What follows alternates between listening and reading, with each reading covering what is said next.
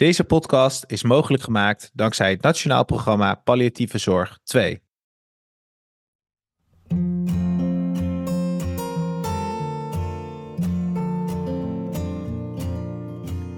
Welkom allemaal bij een nieuwe aflevering van de podcast van Carent. Vandaag gaan we praten met Metta Bunk. Zij is verpleegkundig specialist in het Sint-Jansdal bij het palliatief team. We gaan haar vragen hoe het is om dit werk te doen, hoe ze communiceert met familie en patiënten en wat voor vragen ze al tegenkomt in die laatste fase van het leven.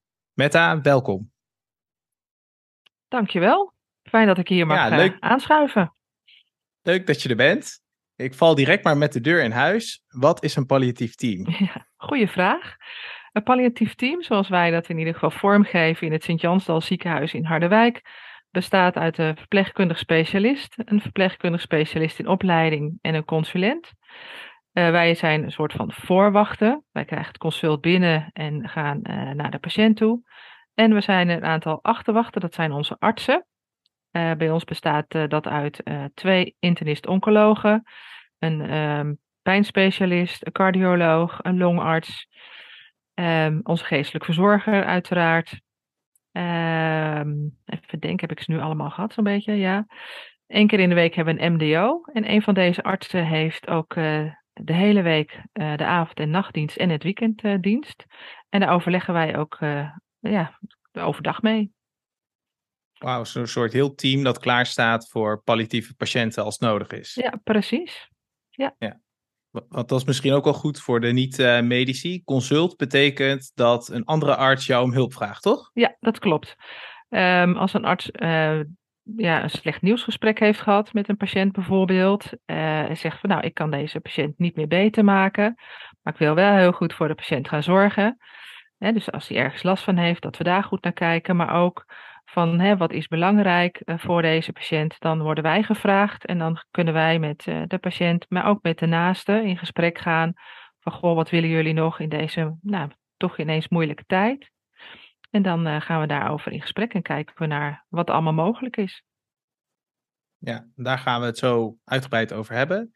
Maar in een ver verleden heb je ook in de eerste lijn gewerkt, oftewel dat betekent bij mensen thuis. Ja, dat klopt. En wat, wat, ja, wat, waar zit dat verschil in?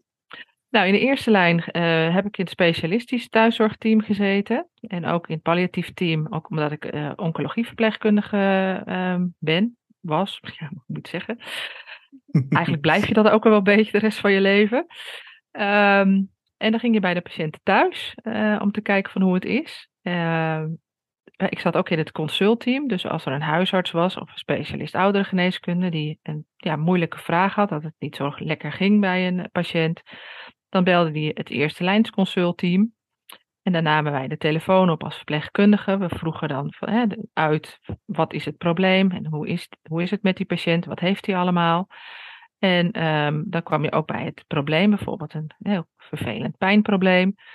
En dan, dan gingen we met de arts achterwacht dan ook overleggen en gaven wij het, uh, een advies aan de, aan de arts die, ja, die de behandelaar was op dat moment.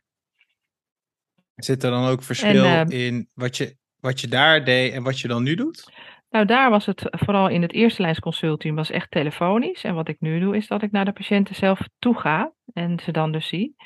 En in het specialistisch thuiszorgteam kwam ik natuurlijk ook bij de patiënten thuis. En uh, gingen we ook uh, met de patiënten in gesprek. Maar hadden we ook wel heel vaak, was het heel praktisch om te kijken van, nou, wat kunnen we doen aan een bepaald probleem.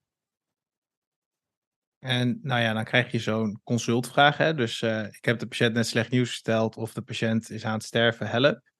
Ja. Of denk eens mee. Wat, hoe, ja. hoe, hoe begin je? Ja, ik begin natuurlijk eerst uit te vragen als jij het mij belt. Van goh, uh, vertel me even iets meer. Dat is altijd wel prettig dat je een uitgangspositie, een uitgang hebt, zeg maar. Um, dan ga ik het, ja, inlezen. Hè. We hebben natuurlijk in het ziekenhuis, maar ook in de thuiszorg heb je een soort van elektronisch patiëntendossier waar al heel veel in staat. En dat is wel prettig, dat je kan inlezen van, goh, wat voor medicijnen heeft iemand al? Wat is eigenlijk het probleem? Hè? Wat is de, de, de ziekte? Zijn er nog meer ziektebeelden die er spelen? Um, en het is vaak heel erg uh, op, op de klachten gericht, hè, op het lichamelijke. Um, probeer nog meer dingen in te lezen, zodat je al een beetje een beeld krijgt uh, wie de patiënt is en wat hij allemaal uh, heeft meegemaakt. En dan ga ik naar de patiënt toe. En heel vaak, uh, ja, vaak zijn er ook nog wel naasten bij, als bijvoorbeeld iemand al heel slecht is, en soms ook alleen. En dan ga ik bij de patiënt zitten en dan gaan wij uh, in gesprek met elkaar. En dan, uh, ja, aan de hand van de vraag natuurlijk, hè, als je net een slecht nieuwsgesprek hebt gehad, ga je vragen van, goh, wat doet het met je? Ik kijk natuurlijk niet alleen naar de klachten die hij lichamelijk heeft, maar ook van, nou, uh, is iemand getrouwd of heeft hij kinderen? Of heeft hij nog ouders? Hè? Want niet iedereen is 86 jaar en aan het eind van zijn leven en heeft een voltooid leven. Maar soms heb je ook jongere mensen met nog jonge kinderen. Of, nou, uh, of je hebt iemand die redelijk jong is met nog ouders. En dan ga je kijken van, goh, hoe kunnen we uh, ervoor zorgen dat dit laatste stuk, wat natuurlijk altijd heel verdrietig is, dat het wel zo goed mogelijk kan verlopen. Ja, en je hebt mij ooit eens geleerd met haar, heb je haast, pak een stoel.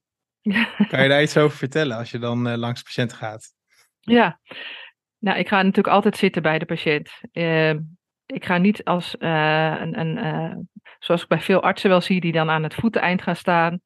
Zeggen, nou meneertje, hoe is het met u? Ja, dan krijg je natuurlijk nooit een verhaal. Ik ga eigenlijk altijd naast de patiënt zitten, op gelijke hoogte.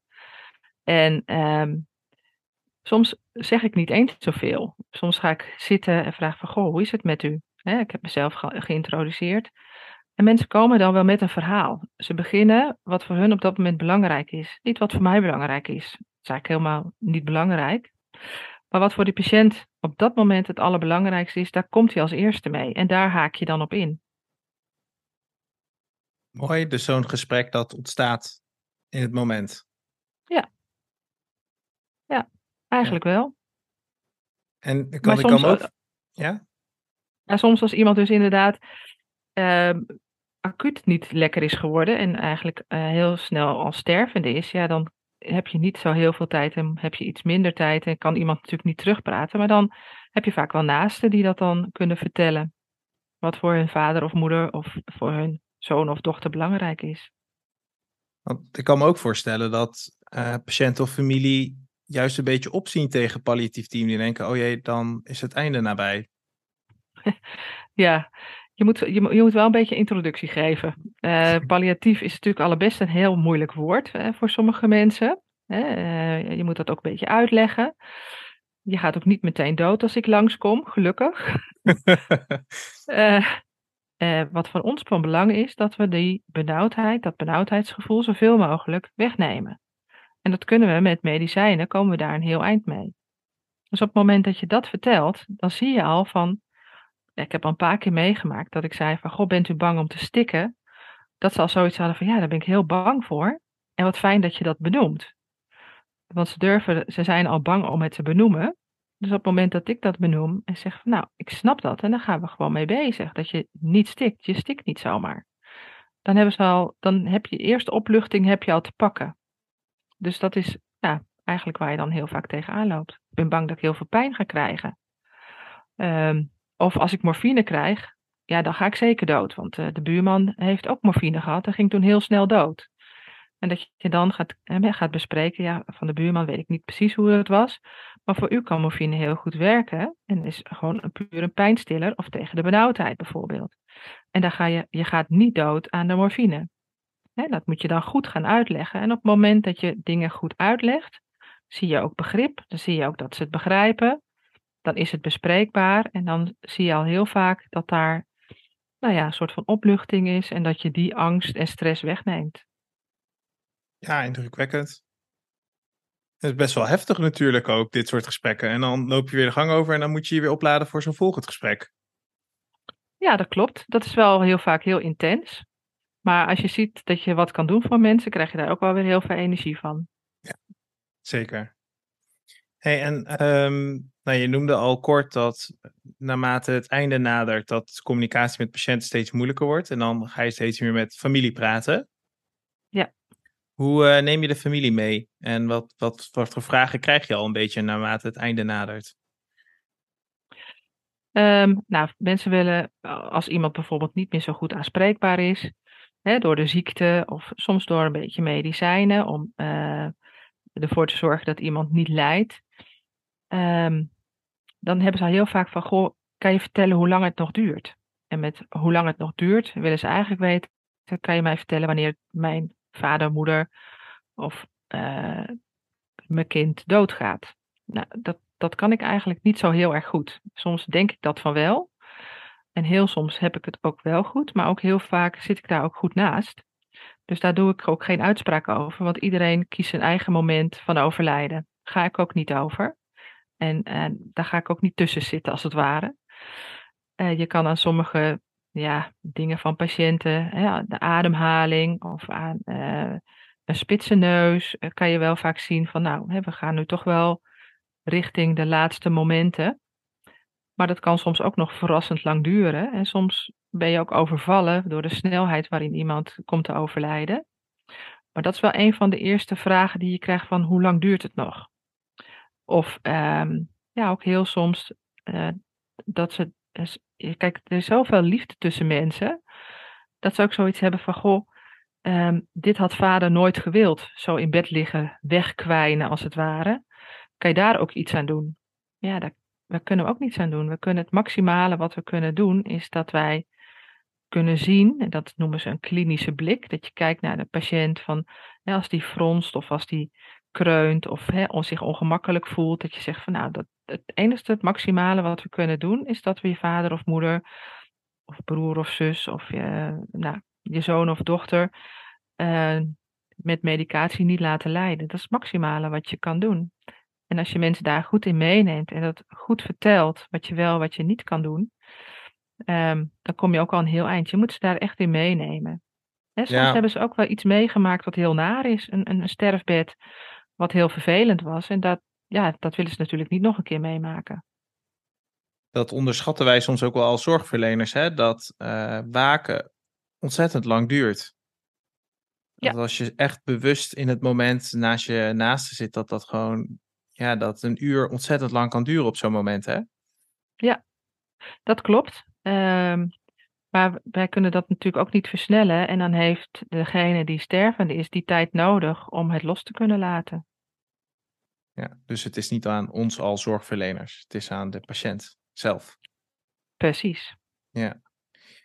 En um, is er dan begrip voor? Want ik ken, ik ken ook een voorbeeld dat familie dan toch aandringt van kan je het niet versnellen of kan het niet iets sneller als ja. we hem nu in slaap brengen bijvoorbeeld? Ja, ik krijg natuurlijk die vraag ook wel eens van hè, kan je de pomp niet even wat opschroeven dat het wat sneller gaat? Um, nee, dat, dat uh, heeft geen zin. Hè. Iemand gaat gewoon niet dood aan de medicatie en een overdosis ook niet. In dit geval. En je moet er ook voor oppassen, als je te veel medicijnen krijgt, kan je ook weer veel last krijgen van de bijwerkingen van het medicijn. En dat wil je natuurlijk je, mijn patiënt en uh, het, de lieve van de, van de naaste ook niet aandoen. Dus dat moet je wel echt goed vertellen. En als je dat goed uitlegt, dan krijg je eigenlijk ook alleen maar begrip. Precies. En dit probeer je denk ik allemaal vooraf te doen, hè? Als het al... Ja, het liefst wel. Ja, ja als je daar de tijd leert, hebt. Ja, precies. precies. Ja. ja. ja. En als, als er nou veel verschillende gedachten zijn bij de familie, of de, er is toch wat discussie over van uh, wat nog wel, wat nog niet. Hoe ga je daarmee om? Ja, nou ja, dat is natuurlijk ook heel vaak dat mensen dan ook iets hebben meegemaakt, bijvoorbeeld bij schoonfamilies. Uh, wat vervelend was bijvoorbeeld, dan moet je daar natuurlijk wel oog voor hebben. Um, een patiënt gaat dood, maar de naasten moeten door. En die moeten wel op een goede manier door. Ook al uh, zitten ze niet altijd op één lijn. En het is wel van belang dat wij ervoor zorgen dat, dat ze wel zoveel mogelijk op één lijn komen te zitten. En dat er een soort van harmonie rondom een sterfbed is. Want als er harmonie rondom een sterfbed is, dan is er ook vaak harmonie bij de stervende. En zie je ook minder onrust. Ik heb ook wel eens rond een sterfbed gezeten waar toch wel heel veel oneenigheid was bij familieleden. En dan zie je ook bij de stervende onrust. Dus het is ook van belang dat je probeert als zorgverlener om daar die harmonie wel te krijgen. En dat krijg je door echt in gesprek te gaan en te luisteren van wat is dan uh, de onrust um, onder die, die nou ja, sommige, soms wel venijnigheid.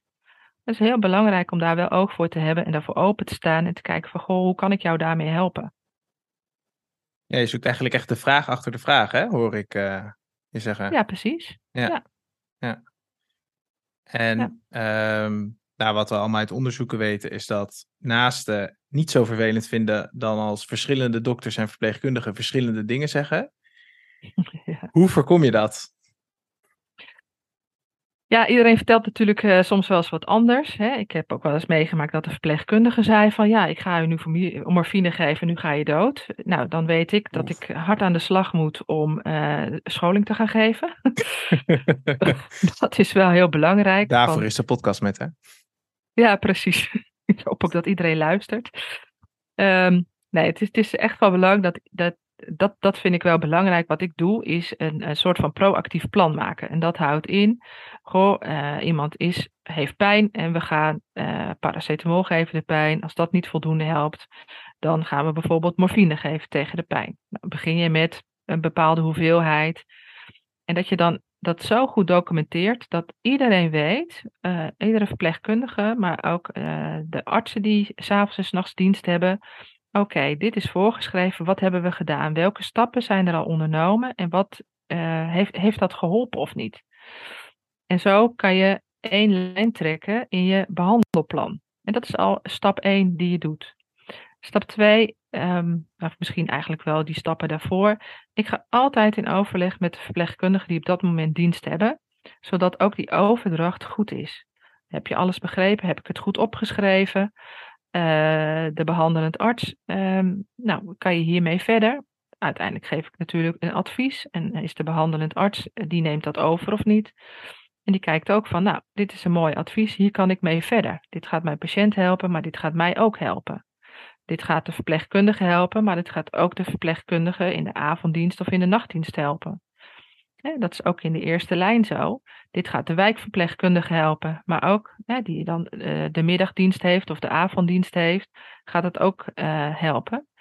En ik weet in de eerste lijn, zeker bij patiënten die stervende zijn, bellen ze ook nog met elkaar van goh. Dus die overdracht die is heel erg belangrijk en die moet heel helder zijn. En moet je als zorgverlener op één lijn zitten.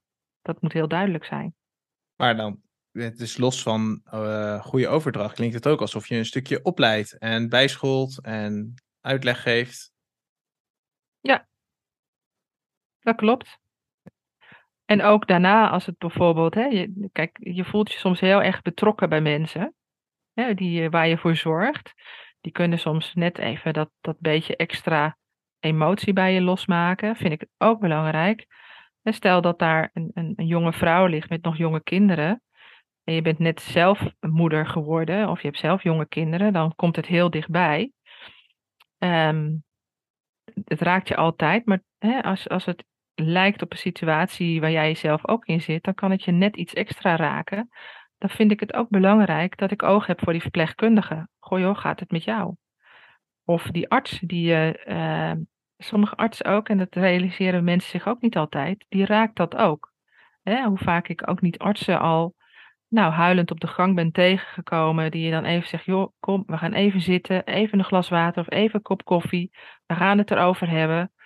Want het is ook voor artsen, voor verpleegkundigen heel intens. Dus naast dat je ze gaat opleiden, naast dat je er voor patiënten bent en hun naasten, moet je er ook voor die verpleegkundigen en de artsen zijn. En doe je het als team en doe je het met elkaar. Wauw, en dan echt even het met elkaar doorspreken, zijn we goed aan het doen en uh, is, is dat het? Een luisterend oor bieden? Ja, ja voor alle betrokkenen. En uh, spreek je dan ook wel eens zo, stel, en dan is iemand overleden, spreek je dat dan ook wel logisch na met uh, de arts of de verpleegkundige van hoe het is gegaan en een soort van feedback, hè? Ja, ja een soort feedback. Hè? Wij noemen dat dan een soort van intervisie of casuïstiekbespreking. Ja, dat je met elkaar zegt van, goh, en wat is, wat is goed gegaan en wat zijn leermomenten geweest? Hè, soms heb je echt ook wel niet dat het heel fout gaat, maar wel leermomenten van hoe kunnen we dat de volgende keer beter doen.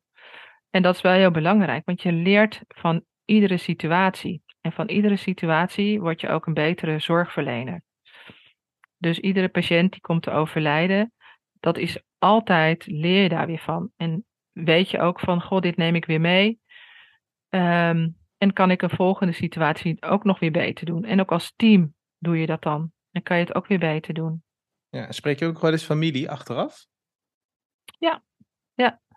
Ik uh, moet het vaker doen. Dat zou, zou, ik zou hopen dat ik daar nog een keertje heel veel tijd voor krijg. Maar we hebben wel een aantal familieleden dat we dan uh, na die tijd bellen. Zes weken na die tijd. Van nou, hoe is het nou met u? Ja. Wat, wat, wat, wat krijg je zo terug? Nou ja, ze vinden het ten eerste hartstikke fijn dat je nog een keertje belt. Want je hebt best wel een hele intense, uh, intiem moment met elkaar meegemaakt.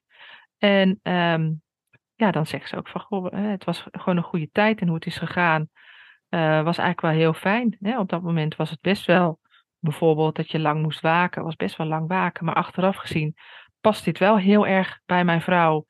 Of achteraf gezien uh, wist ik wel van als ik nu naar het toilet ga, dan dat, dat hij overleden is terwijl ik er continu naast heb gezeten. En ik moest even naar het toilet en ik, ik, ik kom terug en iemand overlijdt. is op dat moment heel verdrietig. Maar zes weken daarna zegt ze, ja, eigenlijk past dit ook wel heel erg bij mijn moeder om er tussenuit te piepen, zoals ze dat dan zeggen, terwijl ik even naar het toilet ga.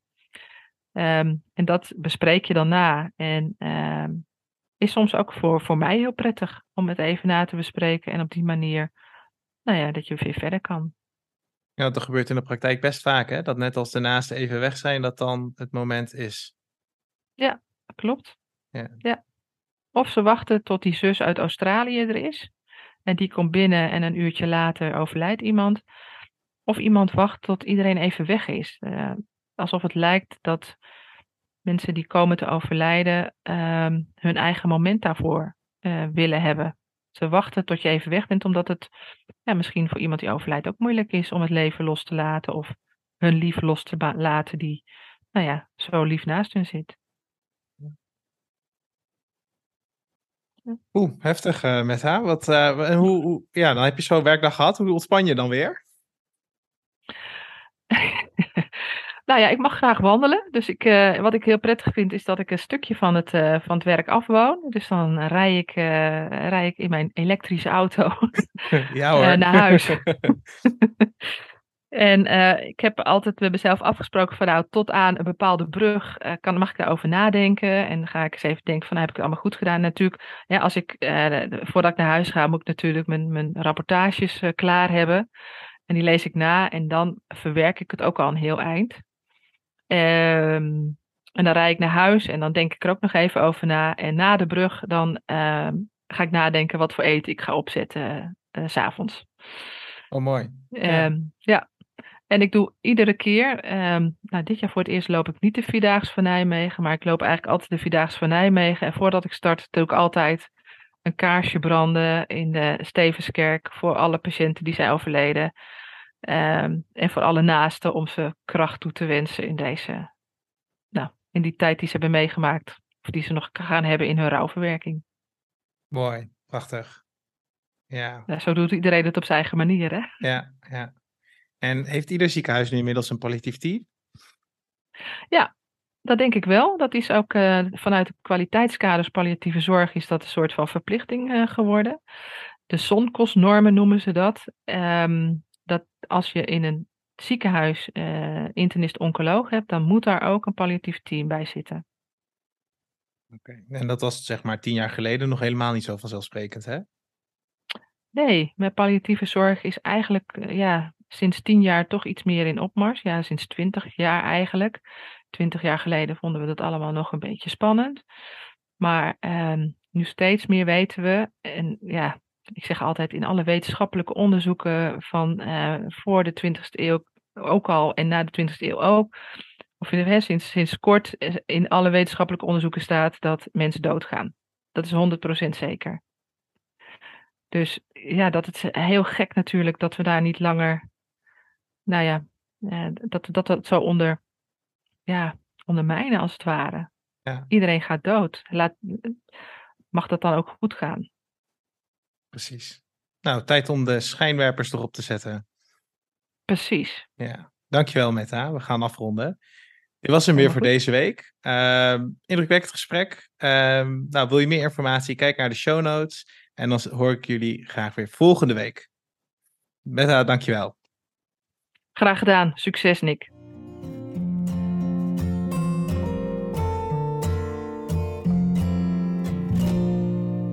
Bedankt voor het luisteren van deze aflevering. Ben je geïnteresseerd? Volg ons op onze sociale media of ga naar current.nl voor meer informatie.